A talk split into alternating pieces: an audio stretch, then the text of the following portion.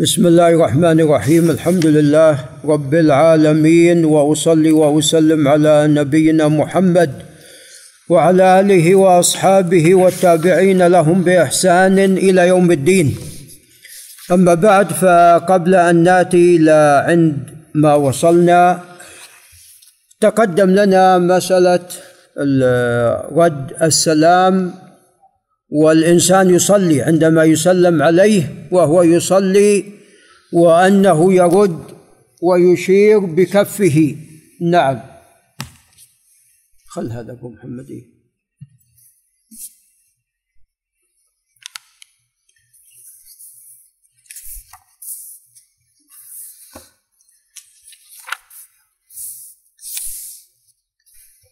نأتي إلى صفة رد السلام. يقول أبو داود حدثنا الحسين بن عيسى الخراساني قال حدثنا جعفر بن عون قال حدثنا هشام بن سعد قال حدثنا نافع قال سمعت عبد الله بن عمر رضي الله تعالى عنه يقول خرج رسول الله صلى الله عليه وسلم إلى قباء يصلي فيه. فجاءته الأنصار يسلمون فجاءته الأنصار فسلموا عليه وهو يصلي. قال فقلت لبلال كيف رأيت رسول الله صلى الله عليه وسلم يرد عليهم حين كانوا يسلمون عليه وهو يصلي؟ قال يقول هكذا وبسط جعفر بن عون كفه وجعل بطنه إلى الأسفل وظهره إلى فوق. نعم يشير. بكفه اليمنى بطنه إلى الأسفل وظهره إلى الأعلى. نعم بسط كفه. فهذه صفة رد السلام في الصلاة. عندنا مسألة أخرى وهي آه، بالنسبة للمسلم عليه. هل هو مستحب له أن يرد السلام إشارة أو يجب عليه؟ تقدم أن ابن حبان رحمه الله قال مباح. وبعض أهل العلم لا يرى التسليم على المصلي وهو يصلي. نعم وكما ذكرتم أن مما يستدل به في ذلك إن في الصلاة لشغلا. نعم.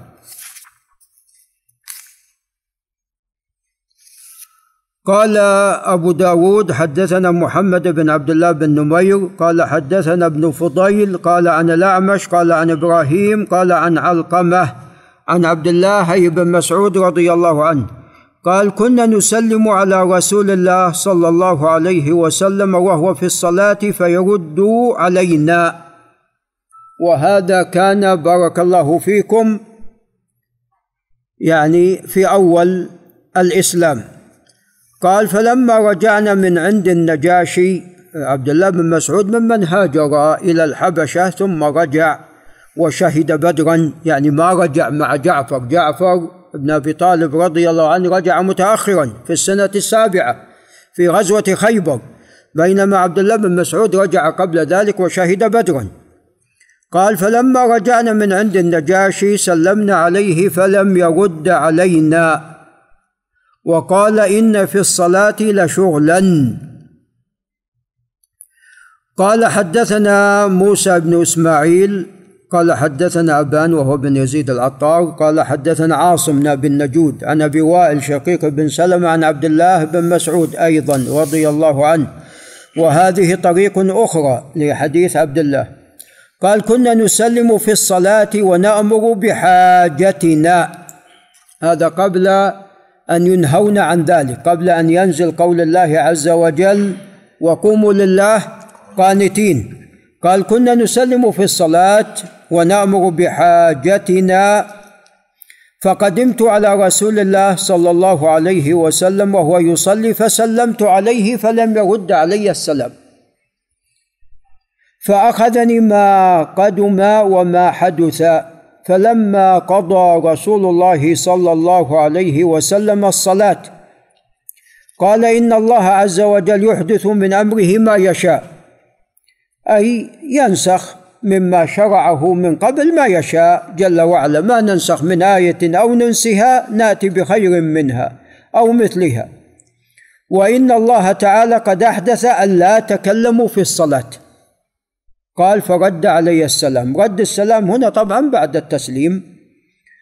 وهنا قوله عليه الصلاة والسلام وإن الله تعالى قد أحدث أن لا تكلموا في الصلاة يفيد أن رد السلام نطقا وقولا أنه ممنوع. وإنما إشارة هذا الذي جاء في حديث ابن عمر كما تقدم. إنما يرد إشارة لكن بقي هل هذا الأمر الأولى عدم يعني التسليم على الإنسان وهو يصلي أو أنه آه، هذا أمر مشروع؟ وبالنسبة للمسلم عليه هل في رده للسلام يكون هذا سنة في حقه أو أكثر من السنة؟ هذه المسألة تحتاج إلى مراجعة. قال في المغني وإذا سلم عليه وهو في الصلاة فإنه يرد السلام بالإشارة. قال وهذا قول مالك والشافعي وإسحاق وأبي ثور. وإن رد عليه بعد فراغه من الصلاة فحسن. روى هذا أو روي هذا عن أبي ذر وعطاء والنخعي وداود. نعم. فهنا ابن قدامة ذكر أن المصلي المسلم عليه هو بالخيار بين أن يرد إشارة وبين أن يرد إذا انتهى من السلام نطقا وبلسانه. ولكن هذا إذا كان المسلم ماذا؟ نعم سيبقى. نعم لا زال باقيا. وأنتم تعلمون أن الرسول عليه الصلاة والسلام عندما سلم عليه ولم يكن على طهارة ضرب الجدار تيمم من أجل رد السلام ولم يدع السلام صلى الله عليه وسلم. فلا شك أن رد السلام متأكد لكن هل كما تقدم يستدل بقوله عليه الصلاة والسلام إن في الصلاة لشغلا؟ نعم.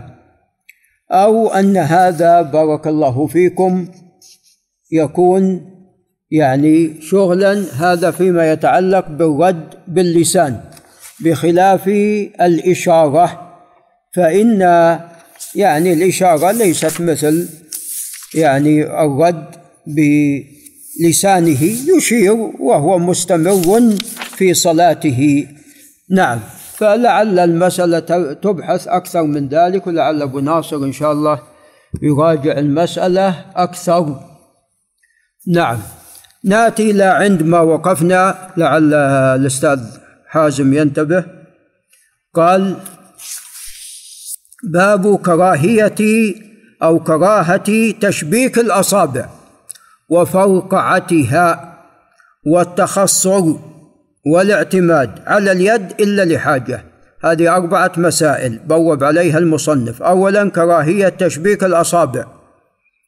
ثانيا فوقعتها وهذا أكثر من التشبيك. أنت قد تشبك ولا ماذا؟ ولا تفوقع نعم. المسألة الثالثة التخصر في الصلاة. بارك الله فيك. المسألة الرابعة الاعتماد على اليد؟ في أثناء الجلوس في الصلاة إلا لحاجة. هذه أربعة مسائل. نأتي إلى تشبيك الأصابع. تشبيك الأصابع له ثلاث حالات. من حيث الوقت له ثلاث حالات حالات من حيث الوقت. الوقت الأول وأنت خارج إلى أين؟ إلى الصلاة. هذا الوقت الأول. الثاني وأنت في الصلاة. الثالث بعد الانتهاء من الصلاة. نعم ما في حالة رابعة. ناتي إلى الحالة الأخيرة. الحالة الأخيرة وهي أنك تشبك بعد الانتهاء من الصلاة هذا لا بأس به. وقد بوب الإمام البخاري قال باب تشبيك الأصابع في المسجد وغيره. بوب في صحيحه. ثم قال حدثنا حامد بن عمر. قال عن بشر.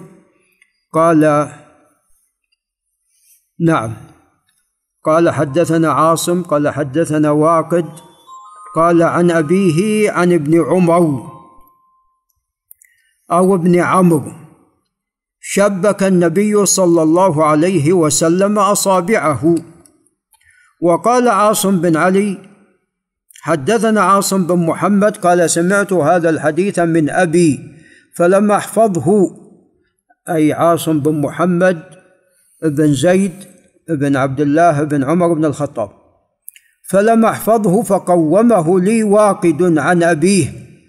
قال سمعت أبي وهو يقول قال عبد الله قال رسول الله صلى الله عليه وسلم يا عبد الله بن عمر يا عبد الله بن عمرو كيف بك إذا بقيت في حثالة من الناس بهذا؟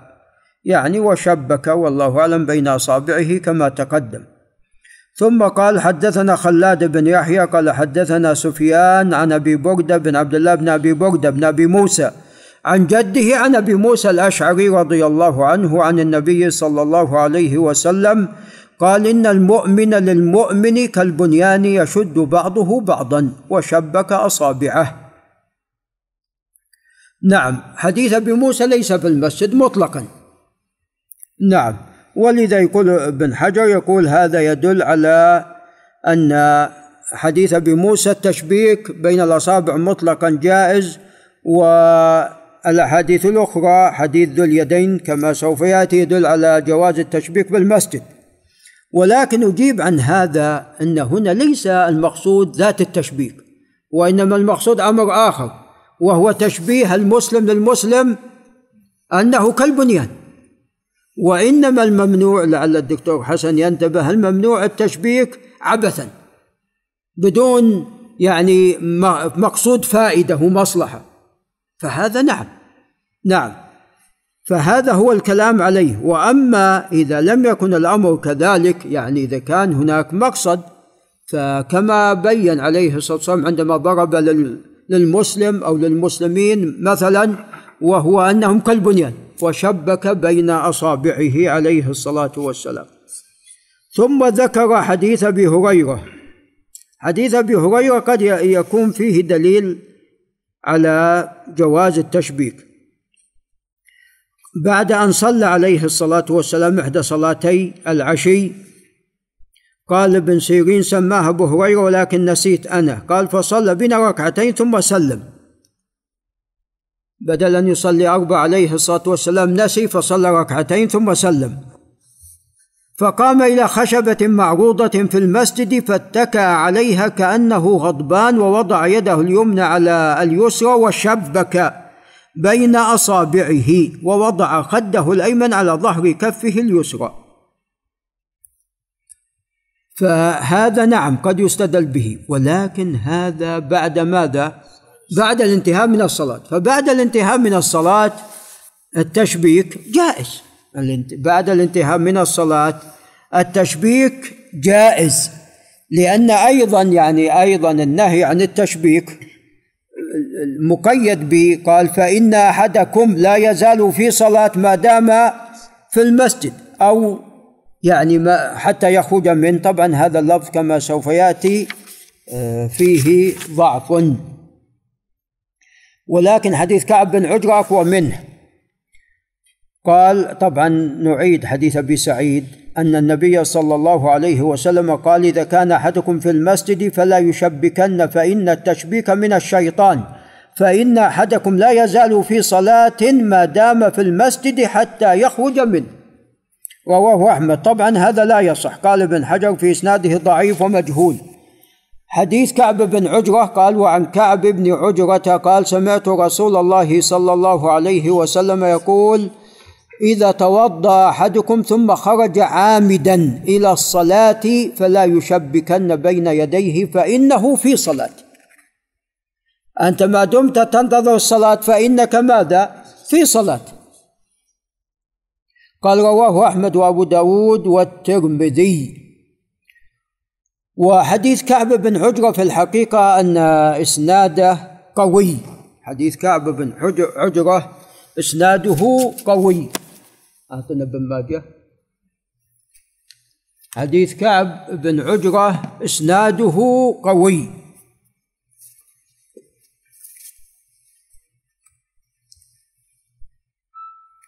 نأتي إلى أسانيده.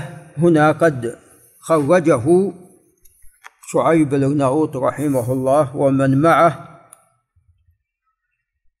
قال رواه قران بن تمام الاسدي عند أحمد وسفيان الثوري عند عبد الرزاق والدارمي والطحاوي في, مشكل في شرح مشكل الآثار وأبو خالد الأحمر عند ابن خزيمة وخالد بن الحارث عند الطبراني وعبد الملك بن جريج عند أحمد والليث بن سعد عند الترمذي ومحمد بن إسحاق عند الطحاوي وبن عيينة عند الطبراني ثمانيتهم عن محمد بن عجلان عن سعيد المقبري عن كعب بن عجرة وهذا منقطع هذا منقطع.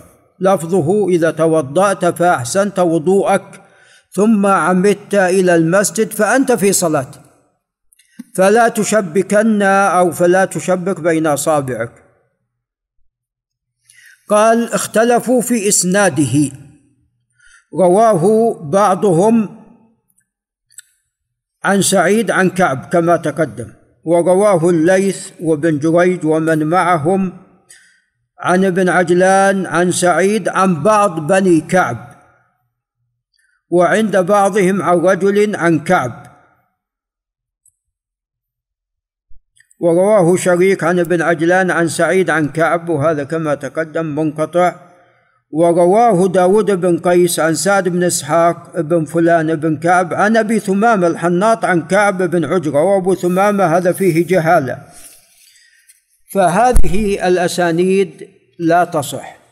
ولكن بارك الله فيكم جاءنا من يعني طريق أخرى وهي طريق عبيد الله جاء من طريقين عن عبيد الله بن عمرو.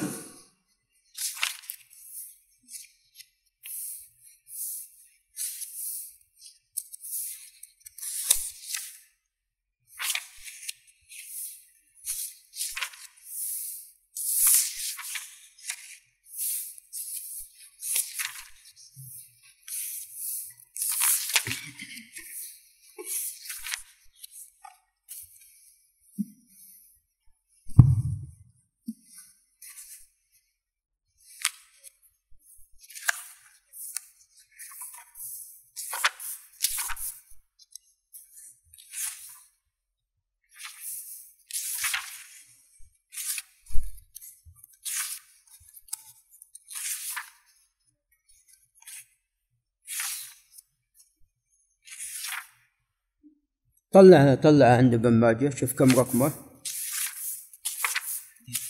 إيه. بارك الله فيك.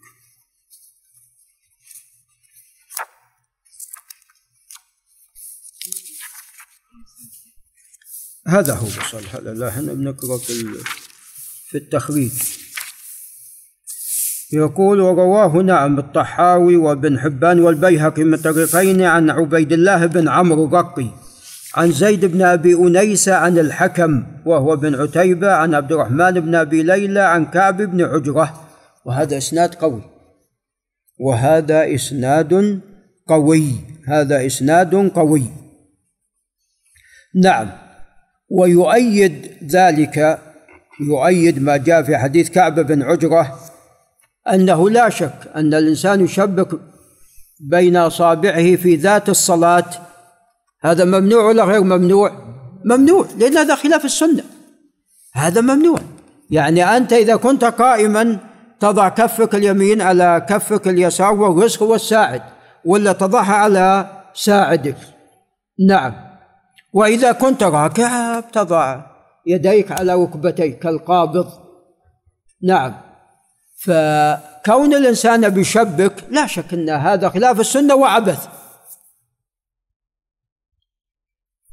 فهذا ممنوع والأصل في الحركة في الصلاة بدون حاجة ممنوعة.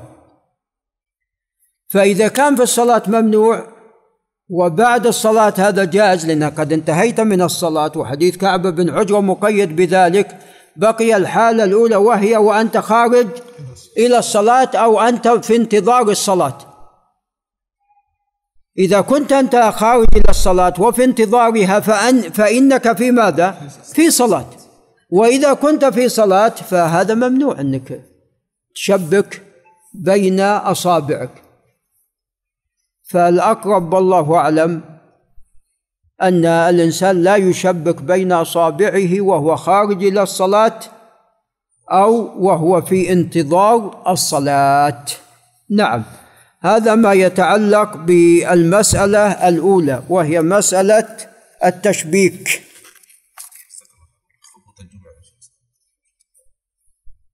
لا هو إذا كان هناك يعني داعي الإمام خطب وضرب مثل لا يشبه هو في صلاة تقدم كونه يوم الجمعة ينتظر الصلاة. قال رواه أحمد وأبو داود والترمذي. قال وقد ثبت في خبر ذي اليدين أنه صلى الله عليه وسلم شبك أصابعه في المسجد. وتقدم خبر ذو اليدين حديث أبي هريرة في الصحيحين. وذلك يفيد عدم التحريم ولا يمنع الكراهية. هذا نعم يستدل به ولكن هذا بعد انتهاء ماذا؟ بعد انتهاء من الصلاة. وحديث كعب بن عجرة مقيد بالصلاة. قال ولا يمنع الكراهة. ما يمنع القول بأن هذا مكروه لكونه لكونه فعله نادرا. نعم. يعني عندما شبك أن فعل ذلك نادرا لكن أحسن من هذا. يقال انتهت الصلاة. هو عندما سلم عليه الصلاة والسلام بأبي هو وأمي يعني سلم معتقدا انتهاء الصلاة. قال وعن كعب بن عجرة أن النبي صلى الله عليه وسلم رأى رجلا قد شبك أصابعه في الصلاة ففرج رسول الله صلى الله عليه وسلم بين أصابعه وهذا طبعا لا يصح. هذا لا يصح. وإنما اللفظ المتقدم هو أقوى فلا يشبكن بين يديه قال وعن علي رضي الله عنه أن النبي صلى الله عليه وسلم قال لا تفقع أصابعك في الصلاة رواهما ابن ماجه. وهذا لا يصح. هذه المسألة الثانية وهي تفقيع الأصابع طقطقة الأصابع. نعم هذا جاء في حديث علي النهي عن ذلك وحديث علي لا يصح لأنه من رواية أبي إسحاق السبيعي عن الحارث بن عبد الله الأعور عن علي والحارث لا يحتج به وفي سماع أبو إسحاق منه فيه كلام. سمع بعض الشيء وبعض الكتاب. نعم. ولكن وإن كان الخبر لا يصح لكن التفقيع في الصلاة ممنوع ولا غير ممنوع؟ ممنوع لأن هذا عبث. وإن وأنت في صلاة أنت تصلي. نعم في صلاة حقيقية تصلي. فهذا عبث أنت تمنع منه. قال وعن أبي هريرة رضي الله عنه أن النبي صلى الله عليه وسلم نهى عن الخصر في الصلاة. الخصر هو أن تضع يدك على خاصرتك وأنت تصلي. وإذا وضع كلا اليدين كلا كلتا اليدين يكون هذا أشبه بماذا بالتصليب؟ يكون هذا أشبه بالتصليب بالصليب. فهذا ممنوع منه. إلا اللهم إنسان يعني يشتكي يشتكي خاصرة أو هناك أمر احتاج إليه. نعم. وإلا هذا نهى عن الخصر في الصلاة سواء يد واحدة أو كلتا اليدين. رواه الجماعة إلا ابن ماجه. فالحديث خرجه البخاري ومسلم وأصحاب السنن وأحمد إلا ابن ماجه من أصحاب السنن. قال وعن ابن عمر رضي الله عنهما قال نهى النبي صلى الله عليه وسلم أن يجلس الرجل في الصلاة وهو معتمد على يديه. والله أعلم أنت جالس في الصلاة ومعتمد على يديك. فهذا نعم. هذا تشبه نعم بالكلب بالحيوان. وحديث ابن عمر إسناده قوي ورجاله ثقات.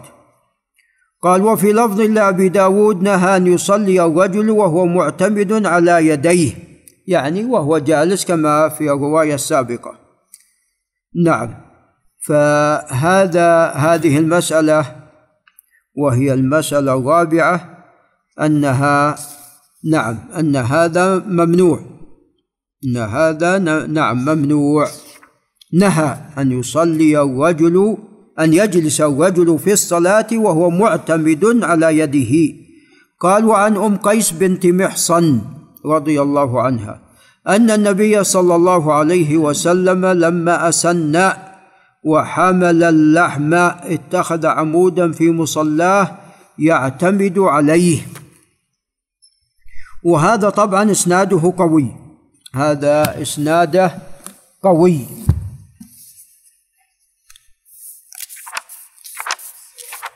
عليكم السلام.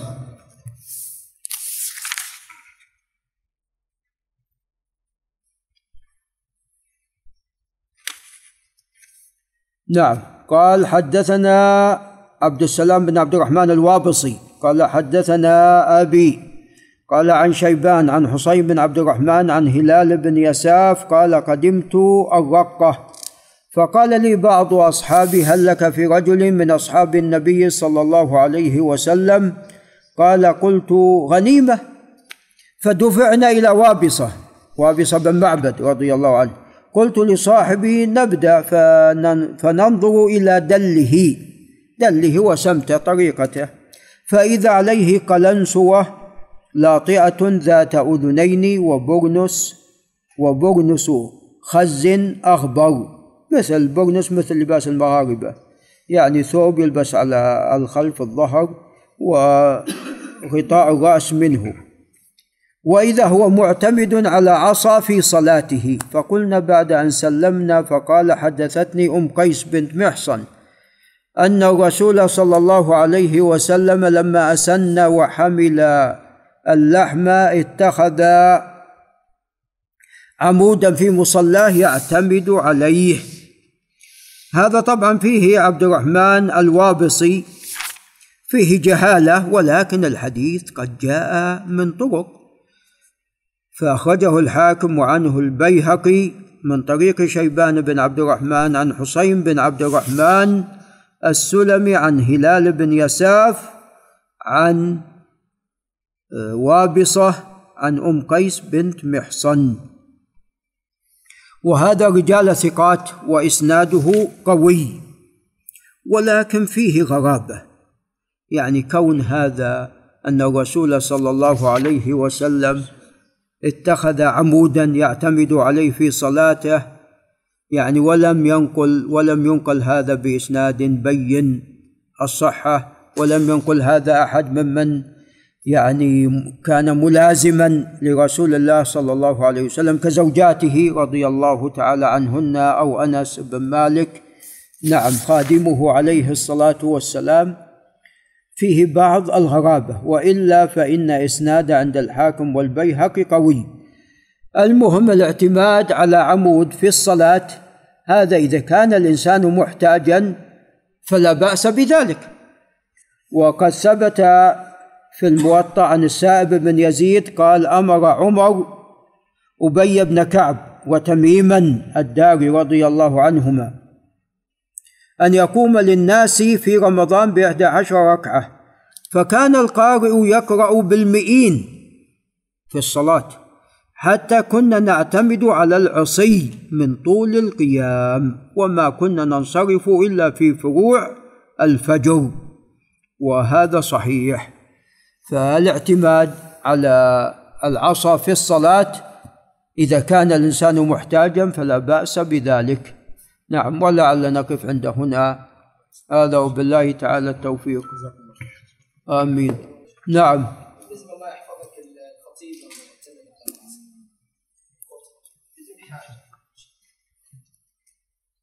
والله إذا كان هناك منبر فلا يعتمد.